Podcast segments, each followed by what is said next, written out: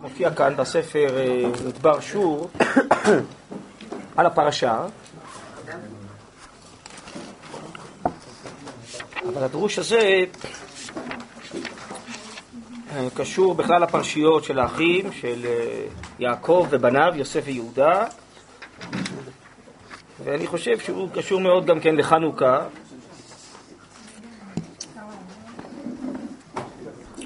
אז נראה לי שנוכל לחבר את שני הדברים. צילמנו את חלקו, לא את כולו, בגלל האריכות.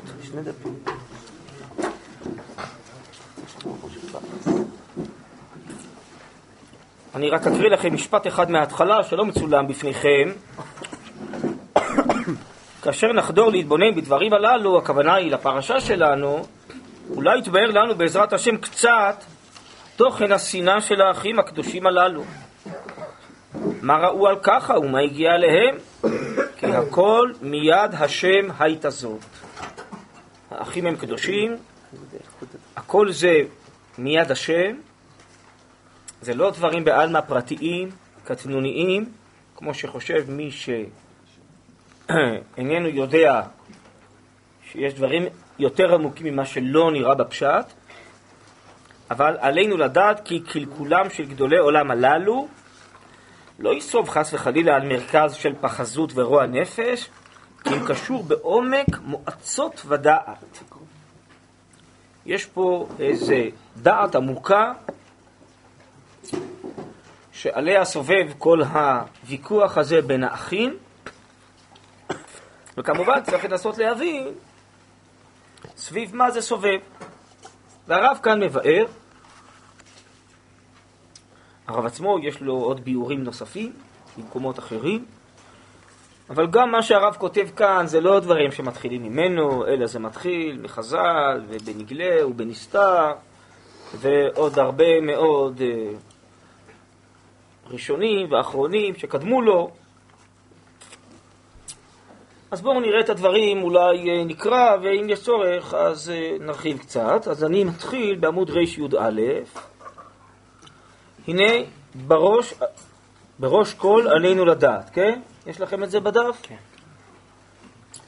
הנה בראש כל עלינו לדעת כי סגולת ישראל ופעולת סגולה זאת בין בנוגע לעצם קדושת עם בני ישראל עצמם, בין הנוגע לכל העולם כולו, תלוי בבית דברים. כל אחד מהם יש לו תוכן בפני עצמו. יש שני עניינים שבונים את קדושת ישראל וסגולתם. נכון שהם מתאחדים, אבל קודם כל, כל אחד הוא תוכן בפני עצמו, אם, כן, למרות שמתאחדים ומתלכדים יחדיו ובקנה אחד עולים, אבל הם שני דברים נפרדים בפועל והנהגה. הדבר האחד הוא קדושת ישראל מצד עצמם. כי יעקב בחר לו יה, ישראל לסגולתו, כי חלק השם עמו, יעקב, חבל נחלתו. הסגולה הזאת של בחירת ישראל מצד עצמם וקדושתם אינה תלויה כלל בשום תנאי בעולם. כי אם, כי בחירת כל הדברים הטבעיים על טבעם, שאינם כלל תחת עניין הבחירה המעשיים. דרך אגב, שני הדברים הללו, זה מופיע גם באיגרת תקנה, הפסקה הזאת, מי שמכיר אותה, שהרב שם מביא לרדב"ז, את שני העניינים שבונים את קדושת ישראל, אז בעצם זה אותם שני עניינים. הרב פה מאוד מרחיב, כדרכו גם בדרשות. על כן דימה כתוב, אז אם כן, הדבר הראשון זה עצם הטבע של סגולת ישראל. יש קדושה מיוחדת באומה הישראלית שאין בשאר אומות העולם. על כן דימה כתוב חוזק בחירת סגולת ישראל אל חוקי הטבע, שהם איתנים וקיימים. לא יזוזו מטבעם בשום מקרה להתבטל כליל. ואמר הנביא, כה אמר השם נותן שמש לאור יומם, חוקות ירח וכוכבים לאור לילה, רוגע הים ויהמו גליו, השם צבקות שמו. אם ימושו החוקים האלה מלפניי נאום השם, גם זרע ישראל ישבותו מהיות גוי לפניי כל הימים. אז כשם שהחוקים לא ימושו, גם זרע ישראל לא ישבות. כה אמר השם, אם ימודו שמיים מלמעלה ויחקרו מוסדי ארץ למטה, גם אני אמאס בכל זרע ישראל על כל אשר עשו נאום השם. כלומר, גם המעשים הרעים לא יקלקלו, לא יפסיקו את עצם הטבע האלוהי שיש בישראל. זה נקרא ברית, הקשר המוחלט של אלוקות בישראל, זה עצמות טבענו האלוקי שהשם חתם בנו והוא קיים לנצח. שהכתובים הללו מבארים שני עניינים. האחד, שבחירת ישראל בחירה קיימת וקבועה היא, ואין שום דבר בעולם שיוכל לגרום חס וחלילה ביטולה. והשני, שאינה תלויה בטעם מושג על פי שכל האנושי, שלזה היה צריך השלמה של מעשים ומידות מוחשות. על כן אמר, שכמו שחוקות הטבע חזקות הן, כמו כן חזקה מציאות בחירת ישראל, עד שבתולה אי אפשר כלל, אינה תלויה בשום בחירה ועניין. נכון? זה הרי מה שטוענת הנצרות. אם זה תלוי בזה שאנחנו בחירה, הכוונה היא הבחירה האנושית שלנו, לא בחירה אלוקית. שום בחירה ועניין שהרב כותב. אז אם זה תלוי בנו, אם נהיה חמודים, השם יאהב אותנו. אם לא, אז לא. אז זה תלוי במעשים שלנו. אבל אם זה בחירה אלוקית, זה יצירת טבע, בברכה זה אשר בחר בנו מכל העמים, יצר בנו, חקק בנו טבע אלוקי כמו חוקות שמיים וארץ, אז זה לא ישתנה גם אם אנחנו נעשה מעשים לא יפים. וכי אדם שמתנהג כמו בעל חי, שטורף את חבריו, הוא לא נשאר בן אדם? הטבע של בן אדם שבו התבטל, שולחים אותו לשדה, שולחים אותו לבית הכלא, למה אומרים לו? אתה התנהגת לא בצורה ראויה, אבל בעל חי שטורף, נו זה טבעם של בעלי החיים, מה אתה רוצה? לכן הטבע לא משתנה. גם מי שמתנהג לא יפה, מה שאמור להיות לפי מדרגתו, לפי טבעו שלו.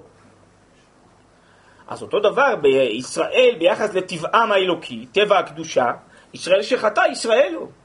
אבל כשהם חוטאים, קרויים בנים, והבנים מעולים, בני כל חי, אומרת הגמרא בקידושים. כי המעשים לא נוגעים בטבע עצמו. טוב, אז זה לימוד גדול, זה סביב איגרת תקנה, סביב היסודות של בחירת ישראל, אני לא רוצה להתרכז עכשיו בזה, כי זה ייקח אותנו למקום אחר, ואני רוצה עכשיו להתרכז בבירור הזה כאן בין האחים. אבל אם כן זה היסוד הראשון, סגולת ישראל, עצמות טבעם המוחלט, הנצחי, שקיים לעד.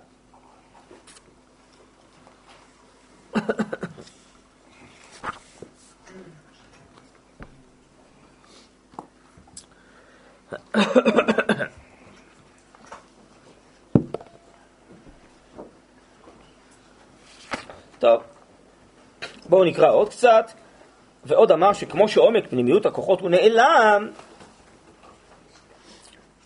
ואינו מושג בשכל האנושי במה כוחם גדול לפעול פעולתם, ומהו הכוח הרודה בהם. כן, אי אפשר להסיק כלל במה תלויה בחירת ישראל. יש איזה חוקים, חוקי הטבע, פיזיקה, כימיה, ביולוגיה, שהשם קבע. אנחנו יודעים להגיד מהו החוק ואיך הוא מפעיל את המציאות, אבל מה עומק, הסוד, המהות של החוק הזה?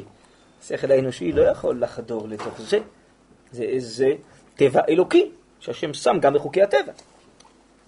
אז בעצם עומק החוק נעלם מאיתנו. אנחנו רואים את מה שהוא פועל עלינו, ואיך הוא מופיע בגלוי, ואיזה דברים הוא עושה בטבע. הוא גורם שיהיה בצורת, שיהיה גשם. כי אפילו בקלקול של כל המעשים והמידות בתכלית ההשחתה, חס וחלילה, אף על פי כן לא זז מחבבם ומקרי בני. כלומר, אותו דבר חוקי הקדושה, הסגולה הישראלית האלוקית, הם תמיד יישארו נסתרים מאיתנו, ואפילו כל המעשים שאנחנו נעשה, ואפילו היותר גרועים, לא יכולים לגעת באותו כוח פנימי נסתר מוחלט אלוקי. זהו דבר תלוי בסגולה פנימי, שאינה מושגת כלל. כן אמר לראשונה שהיא עניין חוזה, כוח בחירה זו, עצם זה שזה קבוע, אם ימושו החוקים האלה וגומר. ועל גודל עומק בחירה זו והסתרתה, מצד היותה בלתי תלויה כלל במעשים ומידות, אמר, אם ימודו שמיים וארץ, אתם יכולים למדוד, להכיל, אפילו הטבע והמחקר והמדע של היום לא מסוגל. ויחקרו מוסדי ארץ למטה, האם אתם יכולים להכווין בעומק אה, המהות את כל החוקים של השמיים או של הארץ? גם אני אמס וגומר על כל אשר עשו. כלומר, שאם הייתה בחירת ישראל מושגת בשכל מצד יתרונם לבד, השכל מחייב חס וחלילה שתתבטל בחירה זו בביטול היתרון, בקלקול מעשיהם. אבל דבר זה תלוי בעניין פנימי, סגולה עצמית שאין להשיגה כלל, שלמות נסתרת בעומק הנפשות. דומה לעומק סגולות החוקים הטבעיים, אשר סוד דרך התחלתם אי אפשר כלל להגיע בבינת האדם ולא בשום מחקר. זאת מציאות. על כן אין כוח בשום שכל ומחקר לדעת על מה נוסדה בחירת עם הזו קנה צור ישראל לסגולתו.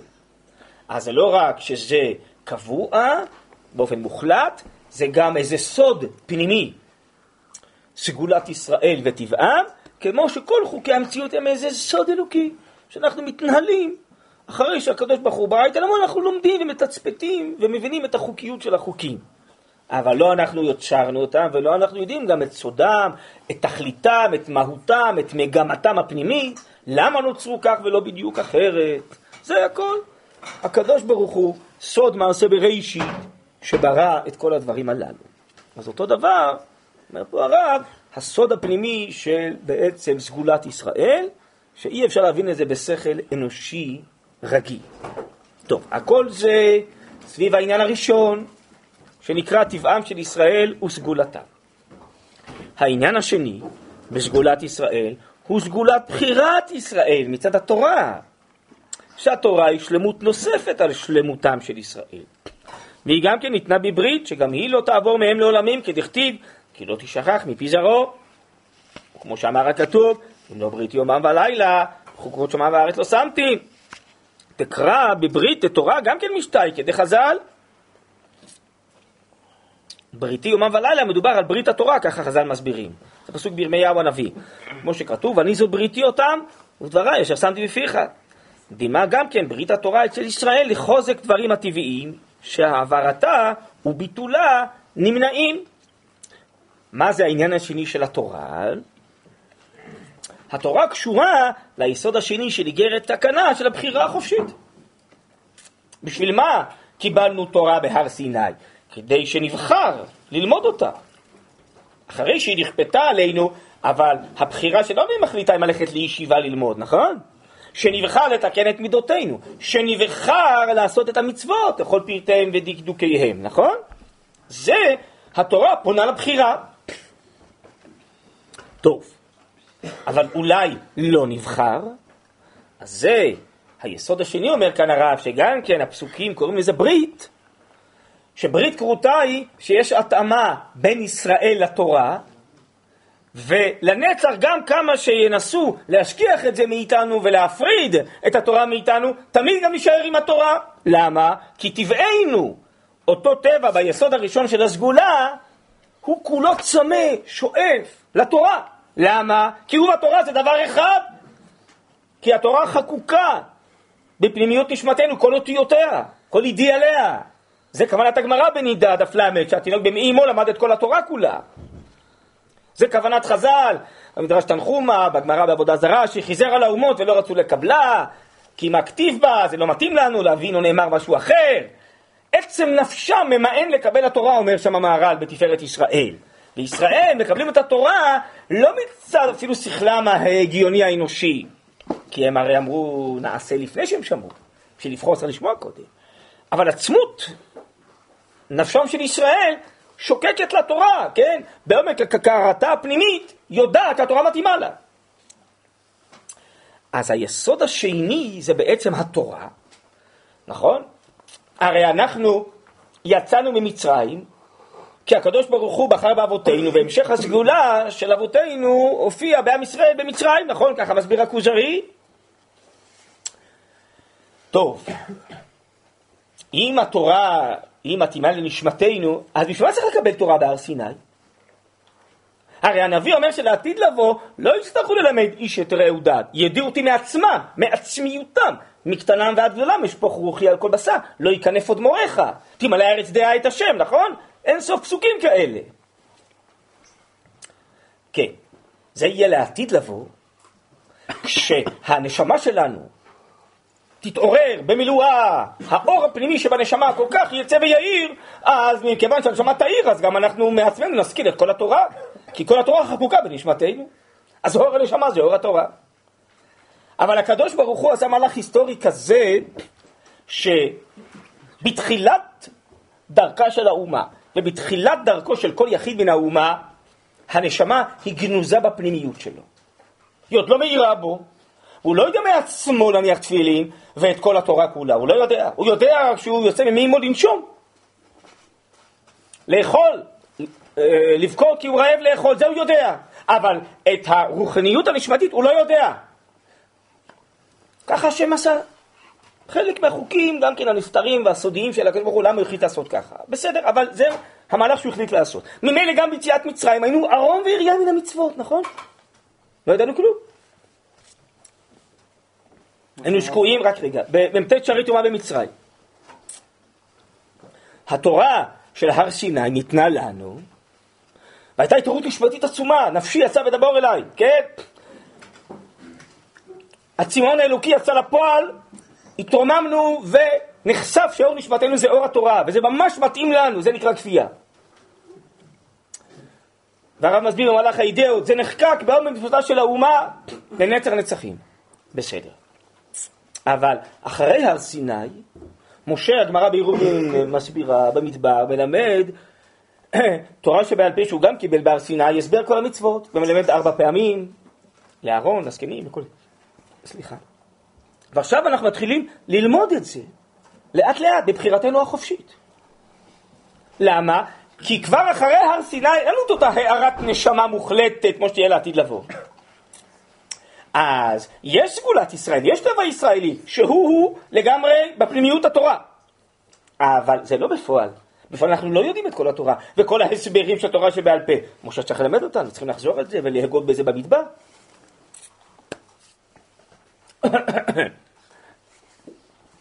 לא מפחדים להשמין, זה בסדר?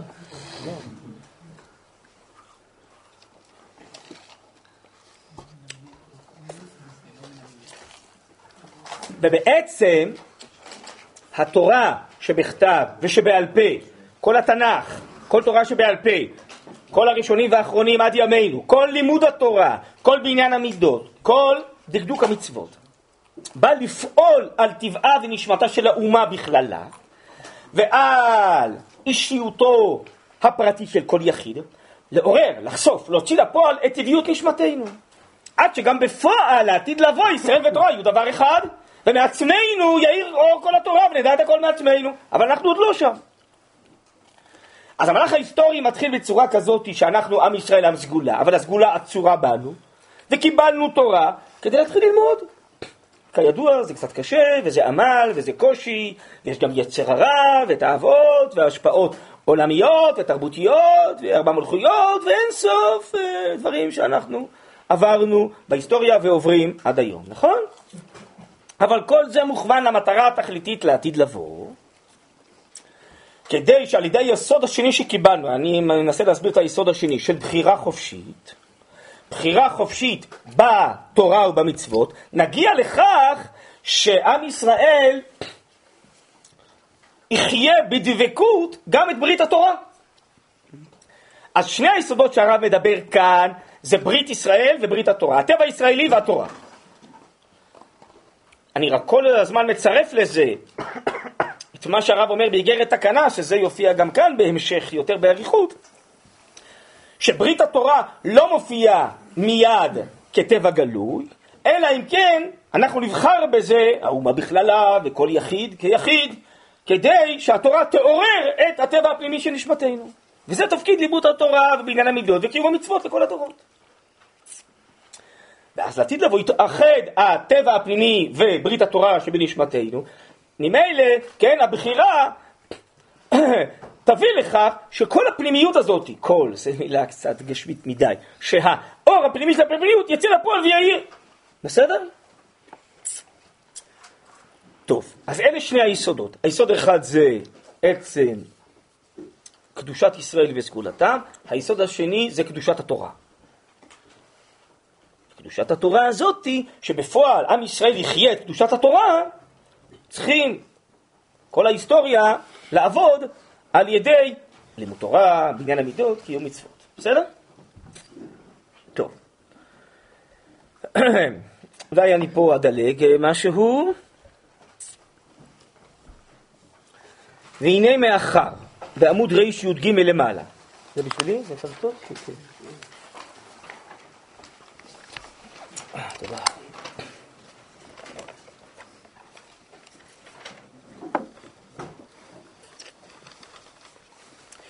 והנה מאחר שכל ההשתדלות, השתדלות האבות הייתה כמו שכתב הרמב"ם במורה נבוכים, להקים אומה אחת המכרת את השם יתברך והולכת בדרכיו, ככה הרמב"ם כותב בחלק ג' של מורה נבוכים. האבות ידעו שהם צריכים להקים אומה. אומה מאמינה, אומה ממלכת כהנים וגוי קדוש, ודאי ידעו גם כן שעתיד השם יתברך להתגלות עליהם בגילוי הנבואה. ניתן להם תורה, ואז תהיה השלמת הבחירה האלוקית. כלומר, האבות הרי לא קיבלו תורה, נכון? הטבע הישראלי התחיל מהם, אבל הם עצמם מעצמם, מקדושת נשמתם, כבר הכירו וחשו מהי התורה וקיימו אותה. אבל בפועל עוד אין אומה, ואם אין אומה גם אין תורה, כי התורה ניתנת רק לאומה שלמה, אומר המהר"ל בספר תפארת ישראל. אבל ודאי ידעו אם ככה, שעתיד השם יתברך להתגלות עליהם בגילוי הנבואה, וייתן להם תורה, אז תהיה השלמת הבחירה האלוקית. אבל איזו משתי הבחירות הללו תהיה עיקרית ושולטת על חברתה? עד שתהיה חברתה בטלה אצלה בתור תכלית שהאמצעי בטל לה. מהי התכלית או האמצעי? אם בחירת ישראל מצד סגולתם העצמית היא התכלית, והתורה היא אמצעית לבחירה זו, או שהתורה ושלמותה היא התכלית העיקרית, ובחירת סגולתם של ישראל מצד עצמם היא הכנה לשלמות זו של התורה. דבר זה הוא שאלה גדולה, ראויה לחוקרה ולהבינה, ובאמת אמרו חתן המדרש שהתורה נבראת בשביל ישראל. אז יש בזה בעצם חקירה כזאת שאפשר לחקור. מה נברא בשביל מה? האם ישראל בשביל התורה? התורה בשביל ישראל. הרי אם לא יהיה ישראל, שילמדו את התורה ויקיימו אותה, אז התורה, אין מה לתת אותה לעולם, אין מי שישמור אותה ויקיים אותה, אין מי שזה מתאים לטבעו, נכון? איך חז"ל אומרים, שאמרה השבת, אין לי בת בן זוג. בבריאה, כל יום יש לו בן זוג. אמר לה הקדוש ברוך הוא, כנסת ישראל יהיה בן זוגך, נכון? עם ישראל, ושמרו בן ישראל, זה השבת. אז אתה יכול להגיד שישראל נבראו בשביל התורה, כדי שיהיה מי שיקבל את התורה, יחיה אותה ויקיים אותה בעולם הזה. יכול להגיד הפוך. התורה נבראה בשביל ישראל. יש לעם ישראל טבע אלוקי קדוש, סגולה. התורה ניתנה כדי שנלמד ונקיים, וכל המגע של הנפשות, של טבע ההיסטורי הסגולי של האומה עם התורה, יעורר ויוצאים אל הכוח אל הפועל, מה שטמון בטבע שלנו. אז התורה היא בשביל ישראל. נכון, חקירה, נכון?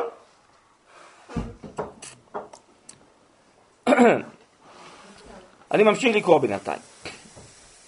והנה יעקב היה כלול שני מיני, היה כולל, כולל, שני מיני השלמויות ביחד.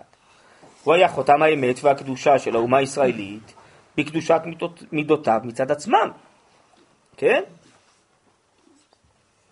הוא השתם, ככה הרב יגיד בהמשך, מצד שלמות התכונות שלו, הטבע שלו. כן? תיתן אמת ליעקב גם היה מאוד מוכן לשלמות התורה. על כן היה איש תם יושב אוהלים, איש תם ולא חסרון ודופי בקדושת נפשו הטבעית והקנויה גם כן, יושב אוהלים של תורה להכשיר עצמו לקדושת התורה. אז בתוך יעקב היו מרוכזות שתי השלמויות, שתי הבריתות הללו, כן? גם הטבע של סגולת ישראל וגם הטבע של התורה. וממילא הוא גם כן בחר בעצמו לעסוק בתורה כדי לעורר את הטבע הזה של סגולת ישראל כל הזמן. אז הוא עסק בשני הדברים. והנה, אני ממשיך לקרוא. להנהיג ולייסד בכלל האומה ההנהגה על פי קדושת התורה מנקודת האמת שעל פי התורה לבדה. דבר זה הוא מעלה גדולה ועליונה. מכל מקום, רבים יהיו על פי זה שלא יהיה להם חלק ונחלה בקדושת ישראל, אותן שריפוי די מן התורה, מכללה. אז אם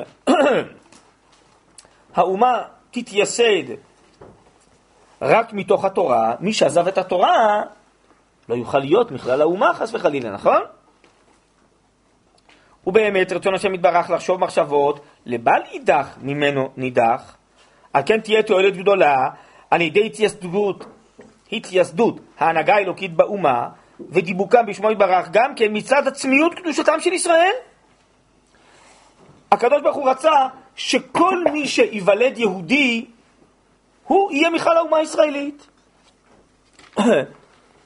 לכן הוא ברא בנו טבע כזה של קדושה, שזה טבע נצחי מוחלט, גם מי שלא מתנהג יפה, או יפה במוסר האנושי, או יפה על פי מצוותיה של תורה, הוא נשאר עם ישראל. אז לכן הקדוש ברוך הוא גם ברא את קדושת ישראל כדי שכולם יישארו בתוך עם ישראל. אבל הוא גם ברא תורה, כי הרי הוא רוצה שעם ישראל יהיה עם קדוש, והטבע הזה של ישראל, שהוא טבע התורה, יצא לפועל. לכן הוא נתן לנו תורה בהר סיני, וציווה אותנו ללמוד תורה ולקיים את המצוות, כדי שהטבע הזה יצא מן הכוח אל הפועל. וכמו שכתוב, זה יאמר להשם אני, וזה יקרא בשם יעקב. זה יכתוב ידו להשם, ובשם ישראל יכנה. למה הרב רומז? זה יאמר להשם אני זה מי שבוחר בתורה ובקדושה. זה יקרא בשם יעקב, השם של יעקב גם מי שלא נאחז בתורה ובקדושה. זה יכתוב ידו להשם עוד פעם זה מי ששומר, ושם ישראל יכנה זה כולם, מי שנולד יהודי.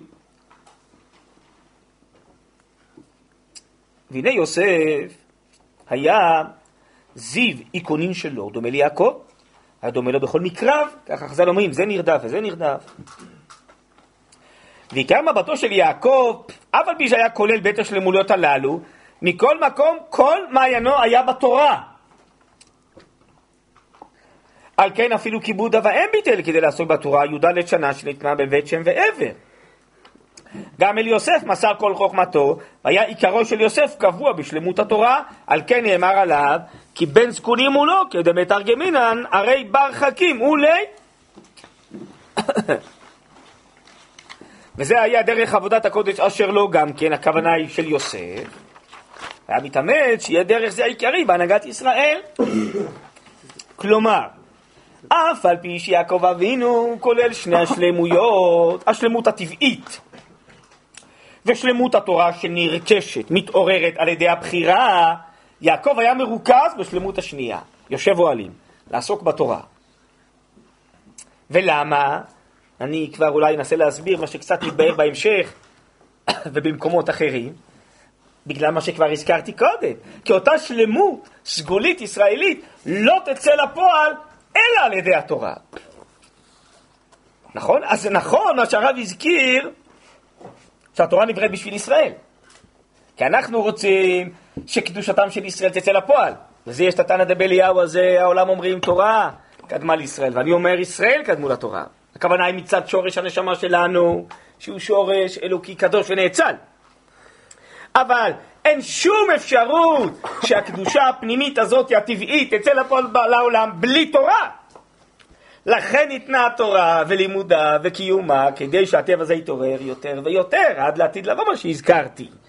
כיוון שיעקב רוצה לפנות אומה כמו שהרב הביא בשם הרב המורה נבורכים והוא יודע שזה עוד יותר מוטל עליו אשר על אבותיו, יש לו 12 שבטים, זה תחילת בניין בית ישראל, אז הוא מרוכז בתורה. שהרי בלי התורה, הטבע האלוהי הזה, הישראלי, הטבע הסגולי הזה, הטבעי, לא יצא לפועל, נכון? אז זה מרוכז בתורה. ולכן בפועל הוא עוסק ביסוד הזה של התורה. כי רק על ידי היסוד הזה בסוף יצא לפועל קדושת ישראל הטבעית, נכון? ויוסף, אומר הרב כאן, הוא המשך הדרך שלו. הוא מסר לו את חוכמתו, והוא גם כן עוסק בתורה, וזה המהלך המרכזי של יוסף, המשך ליעקב אבינו. והנה, אני ממשיך לקרוא. להגן על ישראל בפני אויביהם הרוצים לעקר ולקעקע ביצתם חס וחלילה. העיקר הוא שמירת התורה, כי דכתיב, אני חומה. ודרשו חז"ל, אני חומה זו תורה. למה? כי כמו שחומה שומרת ומגינה, ככה תורה מגינה על ישראל ומוציאה לפועל את עצמות טבענו, הרי זה מה ששמה הסביר רבי עקיבא לפפוס במשל של השועל והדגים, שהייתה גזירה, אז בזמנו רומאית, כן? לא ללמוד תורה, ורבי עקיבא הקים קהילות. אמר לו פפוס, בשביל מה? בוא, עד יעבור זעם. אז הביא לו רבי עקיבא את המשל הזה. של הדגים שבים, בנהר, שהשועל מציע להם לעלות על היבשה ונהיה ביחד, אחדות, לא? מדברים תמיד על אחדות ושוויון ביחד, לא? אז אומרים לו הדגים, אבל זה נגד טבענו. הטבע שלנו זה במים, שם אנחנו נושמים וחיים, ואז אנחנו חזקים, וכולי היי ואולי, בתוך המים זורקו אלינו הדגים את המכמורות, את הרשתות, ואנחנו, אבל לפחות יש לנו כוח לברוח, לא? אבל אם נעלה ליבשה, שם אין לנו מים, אז זה בכלל לגמרי להתייבש, ואין לנו כוח, אז כל מי שירצה יבוא לקחת אותנו, לא?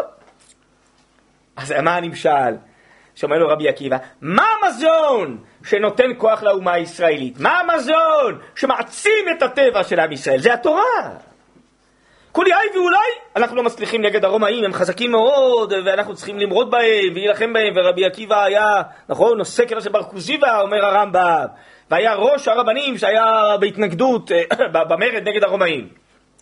ובכל זאת, קשה להצליח. נו, אז אם נהיה בלי התורה ונהיה חלשים, רוחנית, ממילא בסוף נהיה חלשים צבאית, מדינית, ערכית, תרבותית, איך נעמוד מול הרומאים? אז ברור שאני אלמד תורה, כן?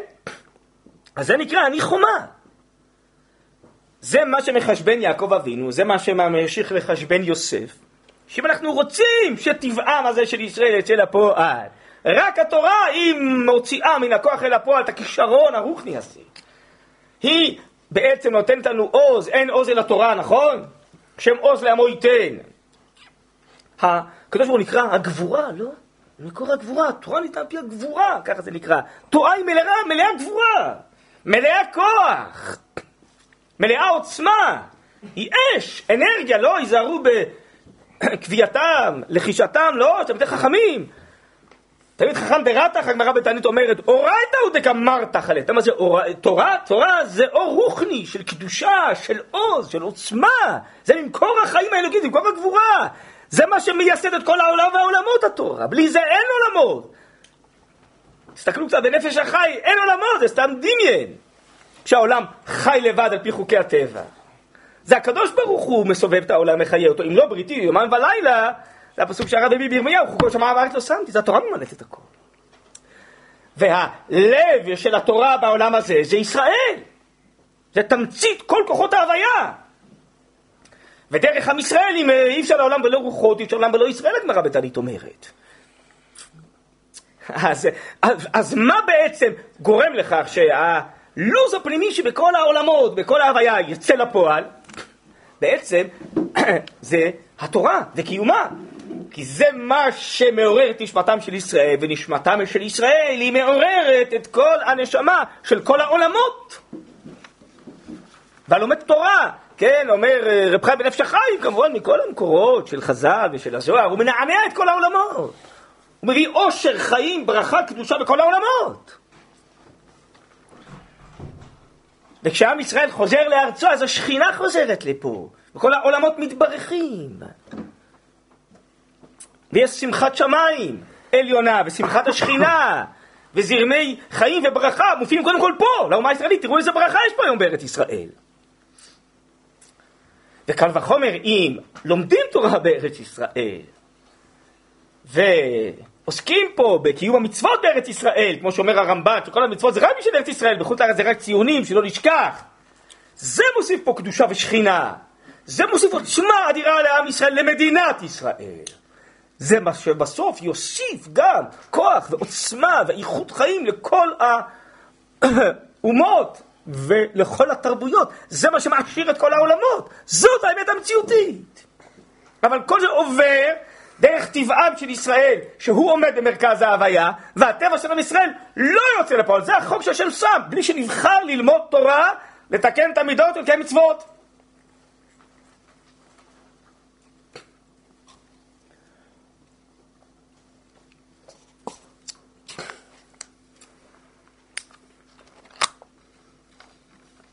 תראו, אנחנו מברכים על הניסים, שהקדוש ברוך הוא עשה ניסים לאבותינו, נכון? בימים ההם בזמן הזה.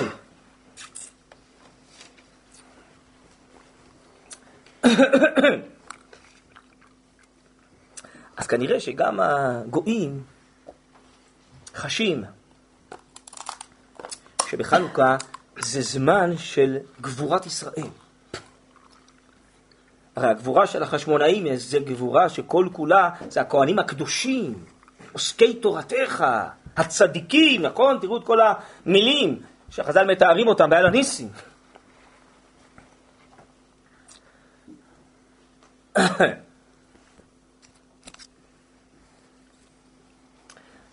אז אני לא יודע אם אתם מעודכנים, אבל שהעבירו אה, החלטה במועצת הביטחון, שההתנחלויות לא חוקיות, ושהכותל המערבי הוא שטח כבוש.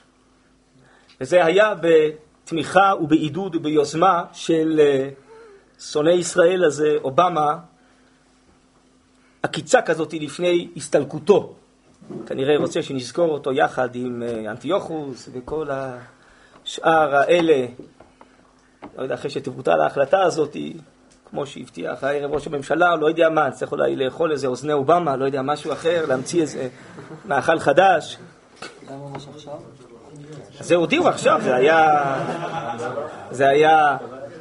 אז נעמד, ברוך השם, אה, הערב ראש ממשלתנו בהדלקת נרות חנוכה ליד נרות המכבים, כן, דיבר על גבורת המכבים, על רוח המכבים, ואמר, אנחנו חזרנו, זאת ארצנו, אנחנו חזרנו לפה לבנות, ואנחנו נבטל את ההחלטה הזאת, ואנחנו נמשיך לבנות בכל מקום. ומי שיהיה עם עם ישראל מכל העמים יתברך, מי שלא יהיה איתנו יפסיד. אנחנו ממשיכים קדימה, דוחים בשאט נפש, זו בושה גדולה בכלל, זה שכתוב ההיסטוריה, זה שקר וזה בלוף, וזה... כן, זה הגבורה שכנראה גם הקדוש ברוך הוא אה, מעורר בו כבר כמה וכמה שנים, זה משהו מופלא. צריך להתפלל שהקדוש ברוך הוא ייתן לו כוח אה, להמשיך הלאה נגד כל הלחצים, אה, וזה בכלל לא פשוט. אבל צריך לדעת שהגבורה הזאת היא רק ממקור הגבורה. ולכן הנאום הזה ליד נרות החנוכה הוא בעצם משמעותי מאוד, כי זה מקור הגבורה של החשמונאים, זה התורה. ורק התורה הזאת היא זאת שמעצימה את טבעם של ישראל ומוציאה אותו לפועל. ולצערנו, אפילו אחים ואחיות שלנו שלא כל כך אחוזים בתורה, אז הם נחלשים בהרבה מאוד עניינים. שקשורים לעם ישראל, לארץ ישראל, למדינתו. פה כתוב היסוד, זה הכל מכוח התורה. והקדוש ברוך הוא מגלגל פה ומאתגר אותנו, שהדבר הזה בעצם יתברר, שהכל מתקלף, ורק מה שמעמיד את הכל זה התורה. והנה, כדי להסביר את זה צריך לאחוז בגבורת החשמונאים, שהכל יונק מן הקדושה הפנים-פנימית של ישראל. ככה הרב מבאר, זה הפח השמן בחותמו של כהן גדול, ככה גלגלה השגחה האלוקית העליונה, שכהן גדול זה זה שנכנס לקודש הקודשים לפני ולפנים. כן, אז הרב אומר, נכון בעין היה, זה רמז הוא, שאפשר לטמא ולהשפיע ולבלבל ברוחניות הגלויה. אבל לגעת בטבע הנשמתי הזה, היסוד הראשון שקראנו פה, ששם גם כל התורה נמצאת, בגניזתה הפנימית של הנשמה. לגעת בפח השמן הפנימי, בניצוץ האור האלוקי שבשלב הזה אי אפשר לגעת. זה תמיד נשאר חתום בחותמו של כהן גדול שיקרה היא מפנינים, התורה נכנס הוא לפני ולפנים, התורה יקרה בפנימים, כי התורה היא לפני ולפנים בנשמתנו. אז האחריות שזה מטיל עלינו בדורות שלנו, ולא במקרה נולדנו בדורות האלה, צריך לדעת את זה. ולא במקרה אנחנו זכינו אה, לקבל חינוך של תורה ולהימשך ללימוד תורה. זה מטיל עלינו אחריות גדולה. זה הכל בשביל שאנחנו נעמיד עכשיו את כל התחייה הישראלית על התורה. אין יותר משהו אחר, לאומיות של חול. נגמר. זה נגמר. אין יותר מדינה של חול. או שאתה מתוך תורה, או שבעצם אתה מוותר כבר על המדינה, על הארץ, על האומה. רב לאומיים, רב אזרחיים, רב תרבותיים, אפשר לוותר על הארץ, הכל אפשרי. רק התורה היום מעמידה את הכל. זה בירור עצום, עצום, עצום, של ההולך ומתגלה. כן? והתורה חוזרת, התורה חוזרת, ו... לארץ ישראל, וככל שהתורה חוזרת לארץ ישראל, אז היא מעצימה את כוחנו, האומות מרגישות את זה, אז הם עוד יותר, עוד יותר, מנסות לרסק אותנו, בדיוק כמו היוונים. והכי הכי לרסק את התורה, בדיוק כמו שהיוונים גזרו על לימוד תורה וקיום מצוות, כי הם מרגישים כולם ורואים שזה מה שנותן את התוקף הלאומי, את התוקף לטבע הזה של עם ישראל. וזה אומר לנו כמה צריך את הנקודה הזאת לחזק, של לימוד התורה וקיום המצוות. כי בזה עסקו החשמונים, הם המשיכו את יוסף הזה. תכף אולי אה, נמשיך פה קצת בבירור, אבל הם, עוסקי תורתך, תראו איך קוראים לזה בעל הניסים, הם המשיכו את לימוד התורה וקיום המצוות בתורה. אז מי התעורר בסוף גם לעשות מלחמה פיזית ולהחזיר מלכות לישראל? הם! מה הם קשורים? שואל הרמב"ן. מה, הם תופסים מלכות? הם שבט הכהונה. מה הם שייכים למלכות? כן, אבל הם ראו שאין ברירה. רק הם התעוררו להציל את הלאומיות והמלכות מכוח התורה. כי רק התורה מוציאה את הטבע שלנו לפועל, היסוד השני, את הראשון. וזה בדיוק מה שקרה אז בחנוכה. עוסקי תורתך, הטהורים, הצדיקים, הם אלה שמצילים לא רק את הרוחניות, הם בסוף מצילים גם את האומה, ואת המלכות הם מצילים. תשימו לב, נכון? הם מצליחים גם במלחמה, הם לא רק מצילים את הרוחניות והמלכות נאבדת. לא. מתברר שאין מלכות בלי תורה. כי אין אומה בלי תורה. כי אין את היסוד הטבעי בלי שהתורה פועלת עליו להוציא אותו לפועל. טוב, אז אני בכוונה ככה כבר לקחתי אתכם לחשמונאים ולימינו. אבל בואו נגמור את הבירור כאן, אה, הוא ארוך, אני רק ככה מנסה בתמצית. אה, באמת מצינו, יש לכם עמוד י"ד את זה עדיין? באמת מצינו ההנהגה של הנבואה שהיא מיוחדת לישראל מצד עצם קדושת נפשם. כמו שכתוב, ונפלינו אני ועמך מכל עם אשר על פני אדמה. והיא מעלה זולת מעלת התורה. כשהמהר"ל רוצה להראות במה אפשר להראות את הטבע הישראלי? הוא אומר, הנה, לנו יש נבואה ואין לשאר הגויים. שיש לנו טבע אחר. כמו שיש לגויים חושים טבעיים, לנו יש את חוש הנבואה, חוש המשותף, אה, הכוזרי קורא לזה. טבע הנבואה, הם לאו נביאים, בני נביאים הם. אז אם רוצים להבליט את מעלתם, טבעם של ישראל, הנה הנבואה זו דוגמה. אבל אתם יודעים שהרמב"ם פוסק, כמובן מתוך חז"ל, שנביא שאומר, נגלה לי בנבואה איזו מצווה חדשה, בחנק, נכון? אין מצוות בנבואה. לא? נבואה זה רק נבואת התורה, רק נבואת תורת משה רבינו. לא יכול להיות. הוא יכול לשעה להגיד לא לקיים משהו, כן? מלבד עבודה זרה, נכון? זהו יכול. למה? כי הנבואה קשורה לחיים של עם ישראל. חיי שעה. לא חיי עולם. לא כולם שמים לב לדבר הזה. הנביא אומר למלך, תשמע, תילחם, אל תילחם. יכול לתת לנו הוראות, מה לעשות עכשיו? אליהו עכשיו צריך להילחם בנביאי הבעל, הוא מתיר איסור במות, בסדר. אבל תורה ומצוות זה הנצח, כן? זה תורה שייך בשווה ברית כמו טבעם של ישראל. זה אין מעלה כזאת לנבואה, תורה מעל הנבואה, נכון? אם יש חמישה חומשי תורה, נביא בכתובים, מה שמים מעל מה חמישה חומשי תורה, נכון? תורה מעל הנבואה. תורה וישראל זה חד. הנבואה זה אחת הכישרונות של טבעם של ישראל, זה נבואה. אבל תורה ולימוד תורה זה מעל הנבואה. החכם בלימוד התורה שלו יכול להגיד, ככה מקבלים את המצווה ולא ככה. אני פוסק כמו הרמב"ם ולא כמו הרמב"ן, נכון? אבל אם הנביא יגיד ככה, יחנק, לא יכול, בנבואה, הנביא יכול להיות גם חכם, יכול להגיד כך בחוכמתו, אבל בנבואה נגלה לי שהלכה כמו הרמב"ם ולא כמו הרמב"ם, יחלל. זה נביא שקר. הוא לא יכול לגעת בתורה, הנביא, מצד כוח נבואתו.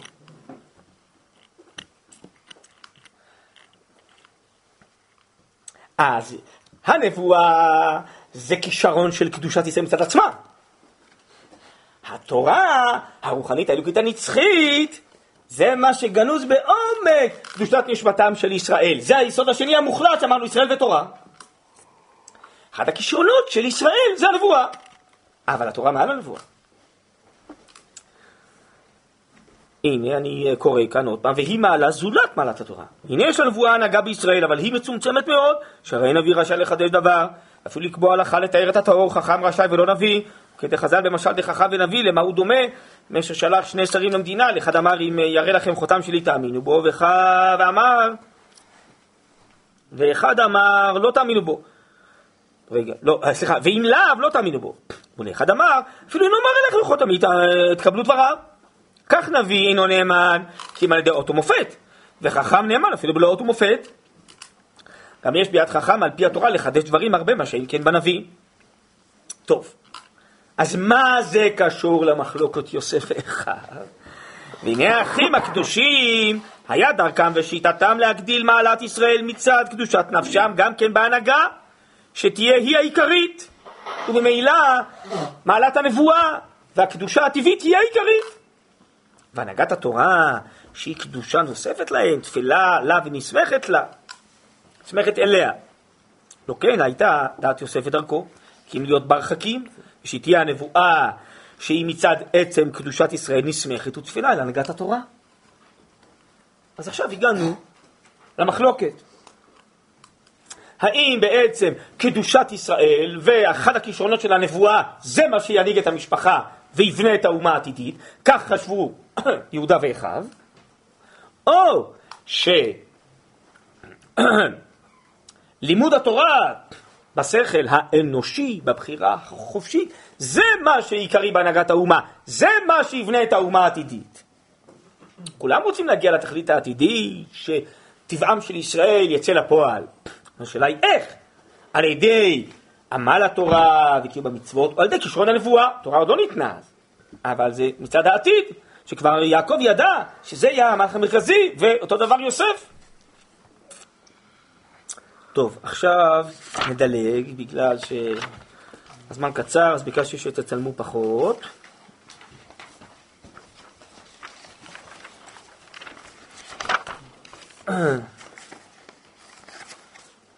עמוד רי"ט, כן? והנה כוח הנבואה? טוב. אז רק נסכם, הגענו לזה, יש פה מחלוקת בהנהגה, איזה כוח רוחני להעדיף, אם את הכישרון הטבעי של הנבואה, אתם יודעים, נבואה ברוח הכל זה בהופעה, זה שפע אלוקי שחל עלינו, שככה הכוזרי מסביר, שאתה מקבל שפע של השכלות, בלי עמל גדול, שהוא ראוי לזה. ואילו לימוד התורה, אז כמו שאנחנו רגילים לזה היום, עמל מצידנו עם השכל האנושי, לאט לאט, קימה קימה, זה נקרא מלמטה למעלה, לא מלמעלה למטה, כמו הנביאה ברוח הקודש, זה מלמטה למעלה, ותיקון המידות, ותדוק המצוות, כן, ולאט לאט עולים כלפי מעלה. אז יש פה בעצם אה, שתי הנהגות שונות, ומה שהרב אה, מבאר קודם, אה, מה שדילגנו, שאומר להם יוסף, הנה כמה אלומתי וגם ניצבה, כמה זה כמה לנצח, האלומה שלי, הכוונה היא הדרך שלי, דרך התורה. והאלומות שלכם תשתחוונה לאלומתי, כן, הם בעצם יהיו מעלה גדולה שיש לישראל נבואה, אבל הם לא יהיו הלמ"ח המרכזי שיבנה את האומה. בסדר? וככה זה עניין החלומות פה, והשנאה הגדולה בין האחים, בעצם שהם חשבו שהוא טועה גמור וצריך לסלק אותו, וזה יהרוס בעצם את המשפחה, יהרוס את האומה, כן? לא יבנה את האומה נכון. טוב, אריכות דברים פה, דברים עמוקים, ו... אבל זה היסוד המרכזי כאן. בואו ננסה בזריזות לראות כאן את סוף הדברים, ואז אולי אה, בקצרה כמה מילים על חנוכה מתוך זה. והנה כוח הנבואה וכוח התורה אינם מתחלקים כי אם בזמן הזה. כל זמן שאור התורה עוד לא נתגלה בשלמותו, אור התורה שבנשמה. וטעמי תורה הם יקרים בעולם הזה. יקרים הכוונה היא מכוסים, נעלמים. מה שאין, כי אין לעולם הבא, אבל הכוונה היא העתידית של העולם, כן? שייתן השם ברך דעה והשכל בלב כולם, וייתן תורתו בליבנו, כי דכתיב נתתי את תורתי בקרבם ולליבם אכתבנה. אז אם כן, אנחנו מעצמנו, אור התורה שבנשמתנו יבהיק, ונדע מעצמנו את הכל.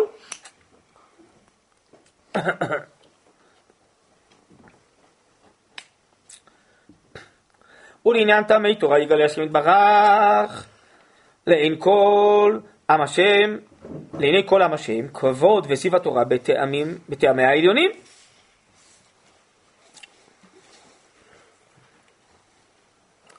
עד שיהיה המשפט שעל פי הנבואה גלוי לכל כעניין משפט התורה הפשוט, שזה עצמו יהיה משפט התורה. מכיוון שמכל אחד מנשמתו יבהיקו כל הטעמים וכל ההשכלות וכל ההבנות של התורה, היום תורה אני נותן לכם, לעתיד חיים אני נותן לכם, אז גם כן מה שיתגלה מתוכנו יבהיק באיזה שפע גדול של נבואה ורוח הקודש. ולא נצטרך כבר לכל העמל והקושי האיטי, אלא הכל יבוא בשפע עצום מתוך נשמתנו. ואז בעצם תתגלה הנשמה במילואה, תתגלה התורה במילואה, כן? והטבע של ישראל והטבע של התורה יופיעו יחד, ומה שמכל ההיסטוריה מתגלה לנביאים רק אה, הוראת שעה לעניין מסוים, פה כל התורה תבהיק בשפע, בצורה של נבואה ורוח הקודש לכל ישראל.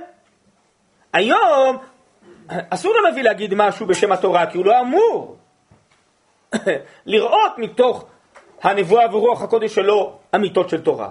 אבל לעתיד לבוא, כל התורה תבהיק מנשמתו של כל יחיד מישראל, ואז יתאחדו בעצם התורה והנבואה.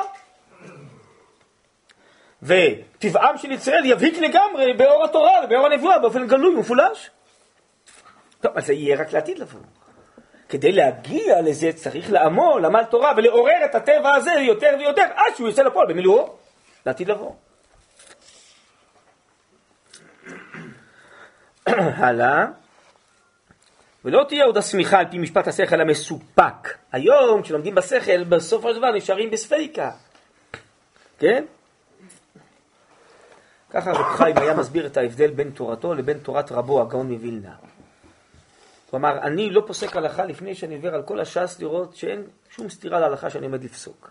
ואחרי הכל אני פוסק מספיקה, מה שנקרא דעת נוטה. אבל אצל מורי ורבי, אצל הגאון, הכל היה תורת ודאי. טוב, זו תורה של העתיד לבוא. יש איזו האבקה מתוך הנשמה, שברור לגמרי, באופן מוחלט, שזאת האמת, אין שום סופק. טוב, זה תורת הגר"א. הכל ודאי גמור. ככה רב חיים מעיד ההבדל בינו לבין רבו. תמיד אני אומר בתור הוכחה לזה, שעל המון אה, דברי חז"ל, תוספתות וברייתות וזה, שהגאות הגר"א, שינוי גרסאות. שהגר"א אומר, זו הגרסה הנכונה ולא זאת. מאיפה הוא יודע מה הוא ישב בספריות של אוקספורד וקיימברידג' והשווה כתבי יד? אז הוא ידע מה הגרסה הנכונה. נשמתו. תוך השכל הנשמתי הבהיר, ברור שזה הגרסה, וזה טעות, מה השאלה בכלל? אין שום סופק, הכל ודאי. זה מדהים. אחרת איך הוא יודע? ברור שהגרסה הזאת היא הנכונה לשכל, לדעת התורה האמיתית של העניין, ולא משהו אחר. טוב, זה, זה, זה שכל של ודאי. זה שכל של הרמב"ם. טוב, קיצור, דברים עתיקים, צריך אולי לדבר על זה פעם. בכל אופן, זה מה שאלתי לבוא. ולא תהיה עוד השמיכה על פי משפט השכל המסופק, כי יהיה השכל אור מאיר על פי קדושת התורה, בלא שום מסך מבדיל מאור האמת. השכל האנושי יהיה לגמרי צינור שהשכל האלוקי יופיע דרכו. ולא יהיה משהו מבחוץ, צריך לעמול קשה, שאולי יבליק לנו משהו מאור האמת הפנימית שבנשמתנו. זה יעשה לפועל במילואה גמור דרך כל כוחות הנפש ודרך כל השכל האנושי. הוא כל כולו יאיר באור שכל אלוקי.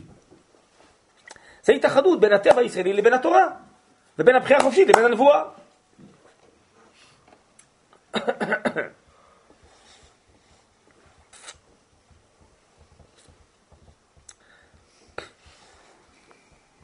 כן, בשני היסודות האלה הרי דיברנו על הטבע הישראלי ועל התורה.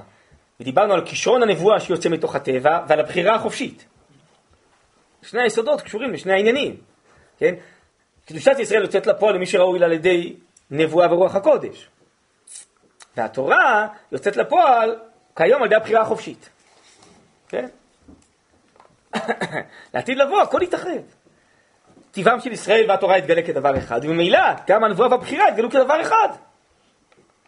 ובאופן טבעי אנחנו נבחר בכל האמיתות של התורה, והכל יאיר בשכל האנושי כאמת מוחלטת, שזה האמת שאנחנו מבינים, לא מבינים אחרת. טוב, זה רק יש לנו יכולת השערה, אנחנו לא מבינים מה זה, כי אנחנו חיים היום במושגים אחרים לגמרי. ושום תוצאות, אני ממשיך לקרוא, רעות לא יהיה אפשר כלל לצאת מהשפעה גדולה כזאת, שהנבואה תופיע דרך השכל האנושי.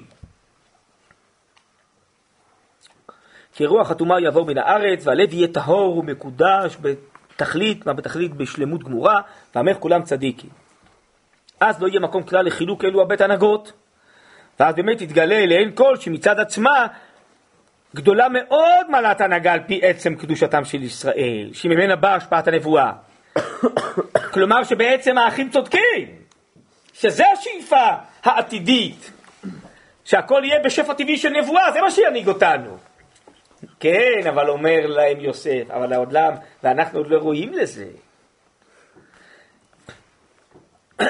אלא שמחמת מגרעות שיש בעולם הזה מצד קיצור שכל האנושי ותקבור את התאוות ומידות הרעות, היה צריך שתהיה הנהגה זו נגבלת, כלומר מוגבלת, כל זמן שהיו אלה המפריעים, אבל לעתיד לבוא, הכל דבר אחד. נו ואיך נגיע לה לעתיד לבוא הזה? על ידי כל העבודה הרוחנית שהזכרתי כל הזמן, התורה והמצוות, על ידי זה נגיע שהטבע יתעורר, יתעורר, יתעורר, עד שהוא יצא לפועל בשלמות גמורה והכל יתאחד.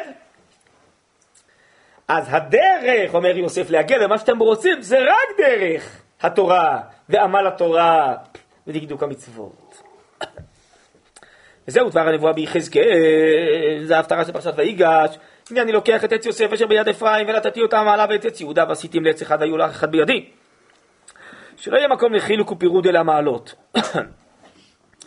וזהו עניין תרי משיחין, כי להגן על ישראל כל זמן שהרעות שולטות ולכלות כוח הרע, צריך משיח בן יוסף. על ידי כוח התורה, כל זמן שידיים מופרדת לעץ אחד. אז משיח בן יוסף, זה המשיח הראשון, הוא עוסק בתורה. ומרבה את התורה ואת המצוות, למרות שזה עדיין לא כל כך טבעי לנו, ואנחנו מתאמצים ומתגברים על התאוות, על היצרים ועל ההשפעות, נכון? כמו היום, עדיין. אז זה המשיח הראשון, זה המשיח בן יוסף. כי הקדושה עוד לא יצאה בטבעיות במילואה. חוץ מעץ יהודה, שהוא מצד עצם הקדושה של ישראל, כמו שכתוב, והייתה יהודה לקודשו. ואחר כך יהיה משיח בן דוד, שהוא יהיה הרואה את ישראל על פי מלאתם בהתאחד עץ יוסף לעץ יהודה. כן? אז במשיח בן דוד, כל התורה הזאתי וה... קיום המצוות יצא לפועל באופן טבעי כבר, כי קדושתם של ישראל תצא לפועל. כל כך, עד שהכל יהיה יתאחד ויהיה טבעי, זה משיח בן דוד. כדי להגיע למצב הזה, למציאות הזאת, שכל הטבעיות יוצאת לפועל והיא כל כולה תורה, צריך את משיח בן יוסף.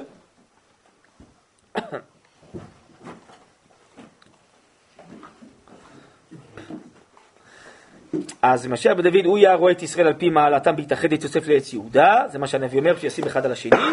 הנהגת הנבואה, מה? מה זה עץ יהודה? זה הקדושה הטבעית. הנהגת הנבואה, גם הנהגת התורה, יחד, יעבור בשלום, אז יהיה אותו דבר. היום נאסר לנו על פי הנבואה לפסוק בתורה. לעתיד לבוא זה יתאחד. אבל טוב, זה כשכל המציאות תהיה כל כך זכה וטהורה, אז הנבואה תוציא לפועל את כל התורה במילואה, וזהו. אצלנו למדים כי כוח התורה והחוכמה שעל פי התורה במשפטיה, שזהו חיקו של יוסף, אשר רוח אלוקים בו מצד שכלו האנושי. נכון? מה אומרים על יוסף? למה מזמנים אותו לפרעה? רוח אלוקים בו, מצד שכלו האנושי. היה תכליתו של יעקב. יוסף הזה, יוסף הצדיק, הכוח שלו זה היה הכוח האנושי דווקא, שרוח אלוקי חל על הכוח האנושי שלו. שזה בעצם מלמד על הכוח של לימוד התורה ועבודה רוחנית מצד הכוחות האנושיים שמנסים להתעלות לתורה. כי באמת אחר כך יתגלה שזהו אום עצם קדושתם של ישראל ואמיתת הנבואה. אלא שאי אפשר להגיע לזו השלמות, כי אם על ידי הדרכה על פי התורה בדרך הפשוט, כל זמן שלא נדע נכון טעמי מצוות, אי אפשר להשלים יחד בממשלה בלתי מוגבלת התורה עם הנבואה. על כן אי אפשר כלל שתצא לפועל קדושתם של ישראל, כי אם על ידי כוחו של יוסף, שהוא עומד נגד המפריעים את ישראל מקדושתם על ידי אור התורה. על כן כל ישראל נקרא גם כן על שמו של יוסף. כן, כתוב מי שנכנס לעיר, הוא יגיד אני מזרע דיוסף קראתינה. איך אתה יודע שאתה מזרע דיוסף, אתה יודע איך זה השבטים? אז המרשע אומר, כן, כל ישראל אה, נקראו כצאן יוסף בתהילים. והוא היה בכור במחשבה, שאי אפשר כלל לכוח קדושתם של ישראל להביא לכלל תכלית המכוון להם, כי אם על פי דרכו בהיותו ברחקים. ומכל מקום אחר כך יתגלה שתכלית קדושתם של ישראל מתאחדת עם אור התורה ואור הנבואה, הוא-הוא עצמו, אורה של תורה. כן קודש הדברים צריכים הכנה, מי הוא המכין יוסף, שכוחו עומד בכל צרה, שאז עניינו נפרד מעניין כוח יהודה והשבטים כולם. אחר כך יהיו לעץ אחד. על כן הים לא נקרא אלא בזכותו של יוסף. נכון, הרי אמרנו בים אנחנו שורים בטומאה, נכון? קדושת ישראל הוא לא יוצא לפועל במלואה. אז מה קורה את הים? כוחו של יוסף. הנה, שעוד מעט נקבל תורה ונוכל להמשיך את הכוח של יוסף. שלא היו אז בתכלית המעלה. היה קיטרוג גדול, הללו עובדי עבודה זרה והללו, נכון? לא הייתה הסגולה מתגלה כלל, רק על ידי כוח התורה, שהיא הפקר, הוא יהיה לכל. ללמוד תורה, כל מי שרוצה יכול ללמוד. אף על פי שמצד גסות ההטבעה בטומאת מצרים לא היו עדיין ראויים לאור הנבואה כלל. מכל מקום, גלם השם יתברך בזרוע, בכוח ועוז של התורה, שאינה משקפת על השלמות של האדם מצד הכנתו, כי היא מכשירתו למעלה יותר עליונה. על כן אמר הכתוב, געת בזרוע עמך בני יעקב ויוסף סלע, בזרוע, כן, עמך געת בני יעקב ויוסף סלע. מדובר פה על גאולת מצרים. למה נקראים דווקא על שם יעקב ויוסף? מה עם שאר השבטים? לא, זה הכוח שגאל אותנו ביציאת מצרים. כן, בנו של ברא בחמה שכתוב, בחרתי להם ברית שלום ברית עולם, תפסיד מקדשים בתוכם לעולם, ואלינו תראינה כי גדול כבוד השם על ישראל אמן. תביאו לי רק רגע איזה סידור, ואני אקריא לכם רק משהו מעל הניסים, בזה נעצור.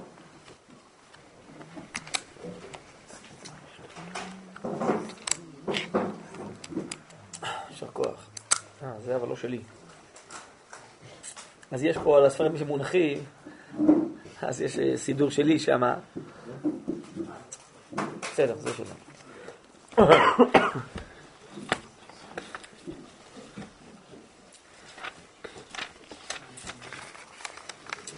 נכון, על ניסים ועל הפוקן ועל הגבורות ועל התשועות ועל הנפלאות. בימי מתתיהו בן יוחנן כהן גדול. כן, מזכירים שהוא היה בנו של יוחנן כהן גדול. חשמונאי הוא בניו. הרב שטרן כהן גדול? אה, לא יודע. כשעמדה מלכות יוון הרשעה, תראו איך חז"ל מבטאים את זה, היא רשעה. רשות וצדיקות קשורים לרוחניות, נכון? לרוחניות גלויה. צדיק ורשע זה לפי מעשיו, לא? נקבע אם הוא צדיק או רשע, ככה אותה גמרא בנידה ל' שאומרת שהתינוק למד ממנו את כל התורה, מש... משכיחים ומשמיעים אותו, תהיה צדיק ואל תהיה רשע, והכל תלוי בך אומרים לו, במעשיך, בבחירה החופשית שלך. כן? אז אנחנו מדברים על הרשעה, למה רשעה? כי היא טמאה, היא נגד התורה, היא רוצה לבטל את הרוחניות, האמונה, את התורה, לכן היא נקראת רשעה. היא לא רשעה נקראת בגלל שהיא נלחמת בנו ורוצה להרוג אותנו. תכף תראו, היא נקראת רשעה כי נגד הרוחניות. כשאדם מלכות הרמתה למך ישראל, מה הם רצו לעשות? הם רצו להרוג אותנו? לא רצו להרוג אותנו. זה לא כמו, נכון? הפוסקים אומרים, זה לא כמו בפורים שהגזרה הייתה לגופות, לכן לא תקנו גם סעודת פורים. לא. אם היינו מפסיקים ללמוד תורה על קיים מצוות, ומתייוונים, אין שום בעיה, תישארו, הם לא רוצים לכלות אותנו, רוצים שנתייוון. להשכיחם תורתך, זה מה שהם רצו. התורה הזאת, זה כוחו של יוסף שאנחנו מדברים, זה מה שרצו להשכיח. ולהעבירה מחוקי רצונך. אתה ברחמך הרבים עמדת על בעץ הרעב, כן, זה עזרה במלחמה. רבת את ריבם, דנת את דינם, נקמת את נקמתם, מסרת גיבורים ביד חלשים, רבים ביד מעטים, וטמאים ביד טהורים, ורשעים ביד צדיקים, וזידים ביד עוסקי תורתך. הם נקראים החשמונאים עוסקי תורתך. שנייה, זה אולי משהו דחוף. כן, שלום. אני לקראת סופו. בסדר. אז הם נקראים עושקי תורתך, לעסוק בתורה. אתם יודעים מה זה ברכת לעסוק בתורה? המהר"ל מסביר למה יש ברכת לעסוק בתורה. בחיר תעשה אשר בחר בנו. לעסוק בתורה עם מי שמתעסק בתורה, לא בטוח שהוא לומד ומבין נכון בסוף. אבל הוא מתעסק. פותח עסק, פותח חנות, לא ברור, אומר חפץ חיים שמישהו יבוא לקנות. אבל הוא עומד שם בחנות. אדם הוגה בתורה, מתאמץ, זה נקרא לעסוק בתורה. כן? אבל לא בטוח שהוא יצליח לכוון לאמיתתה של תורה.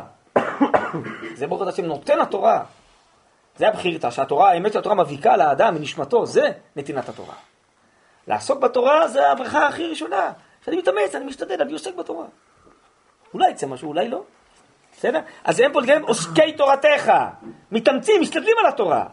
זה המסירות נפש של התורה, זה המעלה פה. עוסקי תורתך, מתעסקים עם התורה. נכון? מתעסק בכלל בהלכות שבת, או לומדים על מסכת שבת, לא מה זה מתעסק, זה אפילו לא, לא שויגג. שויגג זה הוא לא ידע, ש... הוא לא ידע שהמלאכה אסורה, הוא ידע מה שהוא עושה, הוא ידע שהמלאכה אסורה. מתעסק, הוא בכלל לא שם לב שהוא עושה פעולה. נכון?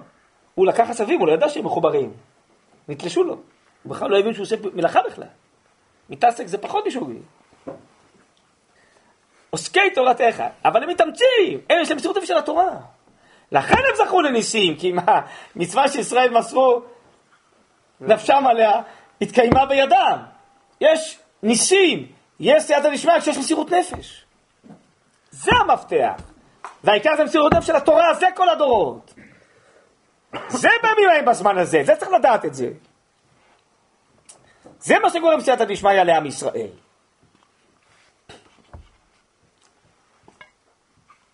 לא יודע, הקדוש ברוך הוא מגלגל הרבה דברים בהשגחתו העליונה, אנחנו לא יודעים הרי מה קורה בגלל מה.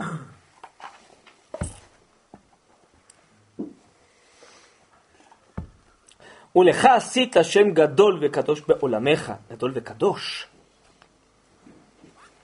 ועמך עשר לעשית תשוע גדול אפילו כיום הזה. אחר כך באו בניך לדביר ביתך, ומה הם רוצים לעשות? לפנות את היכליך, טיהרו את מקדשיך, הדליקו נרות, קבעו שמונת ימי חנוכה, נכון? להודות על השמך הגדול, הם רוצים לתאר את המקדש, הם רוצים להחזיר את עבודת המקדש, ותשימו לב שגם בחנוכה הכל מרוכז סביב המנורה. למה לא סביב הקורבנות, סביב עבודות אחרות במקדש? כי המנורה זה הרוצה להחכים ידרים, זה אור התורה, זה אור החוכמה, זה אור הדעת. זה הרוצה להחכים ידרים, כמנורה בדרום. זה השפע של ההשכלה האלוקית, של חוכמת הקודש, של שמן משחת קודש הזה. של שמן של לימוד התורה של כל הדורות. סביב זה סובבת חנוכה, סובב חג החנוכה, סביב טהרת המקדש. אז החשמונאים האלה הרגישו שיש סכנה לישראל. למה יש סכנה לישראל? בגלל שרוצים למחוק את הרוחניות שלנו, את התורה ואת המצוות, על זה הם גזרו היוונים, נכון? על לימוד התורה, כאילו מצוות. והם יודעים שזה גם יחליש את ישראל, זה עלול לכלות ישראל מן העולם גם פיזית בסוף. והם נלחמים על זה, והם מנצחים בקרב, והם מתארים את המקדש, ומחזירים מלכות לישראל. אז הם קודם כל הודפים את ההשפעות הזרות של יוון, ומחזירים את הרוחניות למקומה, בטח לא באופן מלא, היו השפעות. אבל מצליחים את המרכז של האומה, בית המקדש, ההיכל, המנורה להחזיר, ולהחזיר כנראה את התורה, לימוד התורה, כאילו מצוות למרכז האומה, שזה יהיה התרבות הרוחנית של האומה שתמשיך ותתחזק עכשיו, ומתוך כך הם מחזירים את מלכות ישראל, שהושפלה ונהדפה בפני היוונים, מחזירים את מלכות ישראל, מתוך כוח התורה. התורה מחזירה את המלכות. ואנחנו היום, אה, מצבנו הרבה יותר דומה לחנוכה מאשר לפורים, שזה איזו הברקה אלוקית בגלות, בעומק החושך של הגלות, בלי נדר לדבר על זה בפורים. אבל פה זה נס שבארץ ישראל, במאבק בין עם ישראל ומלכותו במלכות אחרת של יוון, שמשתלטת. ולכן לא אומרים, הגמרא אומרת הלל אה, על נס פורים, כי זה בחוץ לארץ, זה אחת הסיבות של הגמרא. ועל נס של ארץ ישראל אומרים אה, הלל. בחנוכה זה הלל שלם שמונה ימים, אין כזה דבר. שמונה ימים הלל שלם, זה החג היחידי, נכון? והרמב"ם קבע את הלכות, הלכות ההלל בחנוכה, אתם יודעים? הלל כל השנה בהלכות חנוכה. כי זה בעצם מין מצב כזה של ארץ ישראל, שמתוך המאבק הזה, זה דרכו של יעקב ויוסף. זה גבורת החשמונאים. להילחם על התורה מתוך התורה, להחזיר את האומץ והגבורה של עם ישראל, לעורר את הטבע של ישראל מתוך לימוד התורה. בדיוק בנקודה הזאת, כן, רצו לדקור אותנו היוונים, ובדיוק זה הפוך, עורר הפוך, כוחות עצומים. של תורה, של לימוד תורה, של מסירות נפש על המצוות. זה מה שהחזיר את טבעם של ישראל, עורר, הוציא אותנו לפועל, ובסוף העמיד את מלכות ישראל ואת ההנהגה של מלכות ישראל ליותר מ-200 שנה. וזה מראה מקום, אני חושב, גם לנו, לדורנו היום. שהמאבק על התורה, ועל המצוות, ועל הקדושה, ועל לימוד התורה, זה מה שיגביר את כוחם של ישראל הנצחי, ההיסטורי, עכשיו בעידן של גאולה, של קיבוץ גלויות. וזה מה שיקדם אותנו למלאכת גוי קדוש. שנבנה פה עם ישראל וארץ כזאת ומדינה כזאת שהיא מתוך התורה, מתוך ה... רק לסיום, אני אה, אגיד לכם משהו, אני אה, רגע לי להזכיר בחנוכה, שהרי בנס המלחמה החשמונאים נלחמו, נכון, אז זה מאוד בולט שהם עושים את הנס. טוב, אנחנו יודעים שהקדוש ברוך הוא עשה מעטים ביד רבים, סייעתא דשמיא עזר להם, לא? אבל זה נראה בסך הכל טבעי, לא נלחמו. נו, מעטים ביד רבים, מה פתאום מצליחים? נו, היה עזר אלוקי. בהיכל, במקדש, זה לכאורה הפוך. שם באמת הם מצאו פח של שמן. פח יכול להיות גם באופן טבעי למצוא, לא? טוב, מצאו פח. מה עיקר הנס? שכמות אה, של שמן של יום אחד הספיקה לשמונה ימים, לא? זה באמת נס, זה נס אלוקי, כן. אמנם גם כן קשור דרך חוליה טבעית, דרך יום אחד, אבל... אבל בכל זאת, זה לא, זה העיקר שם זה, נכון? אז אם אנחנו היינו מנסחים את הניסים, מסתומה, היינו מדברים הרבה על המלחמה שהם התאמצו ונלחמו, והקדוש ברוך הוא עזר להם. וכשהיינו מדברים על ההיכל, היינו מדברים על זה, לא. כשהקדוש ברוך הוא, אה, שהכוהנים רצו לתאר את המקדש, ו...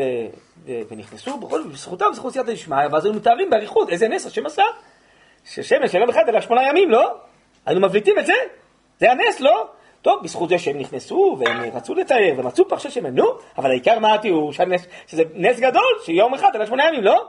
עכשיו תראו, אני אקריא לכם את הניסים במשקפיים האלה, תראו שכתוב הפוך. חז"ל סגננו את הכל הפוך. תראו מה הם מבליטים במלחמה, חצי הראשון זה המלחמה. מה מבליטים בנס המנורה, שם זה החצי השני, בסדר? אז אני אקריא לכם אותם עכשיו. כן? מימי מתתיהו וכולי מתוארים היוונים מול החשמונאים. עכשיו, ואתה ברחבי רבים. פה מתחילים עכשיו להסביר על המלחמה. עמדת להם בעת צרתם, רבת את ריבם, דנת את דינם, כל זה זה הסבר המלחמה. נקמת את נקמתם, מסרת גיבורים ביד חלשים, רבים ביד מעטים, טמאים ביד טהורים, רשעים ביד צדיקים, וזידים ביד עוסקי תורתך, ולך עשית. הקדוש ברוך הוא עושה פה את הכל, סולו. חשמונאים יושבים בצד, מוחאים כפיים. ולך עשית שם גדול וקדוש בעולמך, ולעמך ישראל עשית תשועה גדולה ופורקן כיום הזה. סולו, הקדוש ברוך הוא לבד עושה את הכל. לא מוזכר בחשמונאים, נכון? עכשיו, בחצי השני של טהרת המקדש, עכשיו תשמעו טוב. ואחר כך באו בניך לדביר ביתך, ופינו את היכליך, וטיהרו את מקדשיך, והדליקו נרות בחצרות קודשיך, וקבעו שמונת ימי חנוכה אלו, להודות עוד לשמך הגדול. הם עושים את הכל. הם נכנסו, הם פינו, הם תיארו, הם הדליקו, זהו. איפה הקדוש ברוך הוא ואיפה כמות של יום אחד של זקה שמונה ימים? לא כתוב. לא, מה ההסבר? פשוט מאוד, לא? בנס המלחמה שהחוש שלנו רואה את החשמונאים מול העיניים, לא? אז אנחנו לא מבינים שהכל זה סייעתא דשמיא אלוקי, שכשיש מסירות נפש, כן, אז יש סייעתא דשמיא, הקדוש ברוך הוא עוזר ומעורר את הטבע ואת הגבורה בישראל, נכון? הרי אל תאמר כוחי ועוצם ידי עשה לי את החיל הזה, כי הוא הנותן לך כוח לעשות חיל. כוח אלוקי הנטוע בזרוע, נכון? רבנו הרב צודה מביא תמיד את הר"ן בדרשו. אז בסדר, בזכות שהחשמונים עשו לקרב, הם קיבלו, כן, איך שכתוב בגדעון, בשמשון, ביפתח, לא, נח עליהם הרוח, רוח גבורה, התרגום אומר, חז"ל אומרים, וכל המפרשים, רוח אלוקית שחלה עליהם באומץ עצום, בגבורה עצומה, הופעת גבורה בנפש, הרב אומר במורה נבוכים ב' מ"ב, זה גבור, זה רוח הקודש. אז ממילא, כיוון שמה שהיינו עלולים לטעות שהם עשו את המלחמה, אז העיקר מה שחז"ל מבליטים זה שהקדוש ברוך הוא פועל דרכם, כי הוא רוצה להושיע את ישראל. צריך את ה... שיכינו כלים נאמנים לזה, אבל שם בעצם מבליטים את הקדוש ברוך הוא, ברור שהם היו. מבליטים מה שאנחנו היינו עלולים לשכוח קצת. ובנס המנורה בדיוק הפוך. כשמה שגלוי מולו העיניים שזה נס אלוקי, אמרו לנו חז"ל, כן, אבל כל הנס הזה הם זכו בגלל עשייתא דשמיא הזאת, בגלל המסירות נפש שלהם. כי הם מסרו את נפשם על זה, להיכנס, לתאר, לחפש, לכן הם זכו לנס כזה. אם לא היו זוכים, לא היה עשייתא דשמיא. אם לא היו זוכים, לא היה מסירות נפש. אז אני חושב שזה בא ללמד אותנו גם לדורנו ולכל הדורות. שהניסים האלה שהיו פה, נס בתוך המלחמה, נס אה, פח השמן במקדש, הכל בגלל הכהנים והחשמונאים הגיבורים האלה, שהם אה, לא נכנעו לרוח היוונית, והם לא אה, עשו מה שהיוונים רצו, הם היו בגבורה עומדים על האמת של התורה מסירות נפש. וכשיש סירות נפש יש סייעתא דשמיא, אז יש ניסים גם, בתוך הטבע, מחוץ לטבע, בכל מיני צורות, מה שהקדוש ברוך הוא מחליט. אבל הכל מתחיל, אם לא היה התעוררות של החשמונאים, יכול להיות שהכל לא היה. לא היה ניצחון על יוון, לא במלחמה, לא במקדש, לא היה חנוכה לדורות, לא היה כלום. הם התעוררו בבחירתם החופשית, זה דרכו של יעקב ויוסף.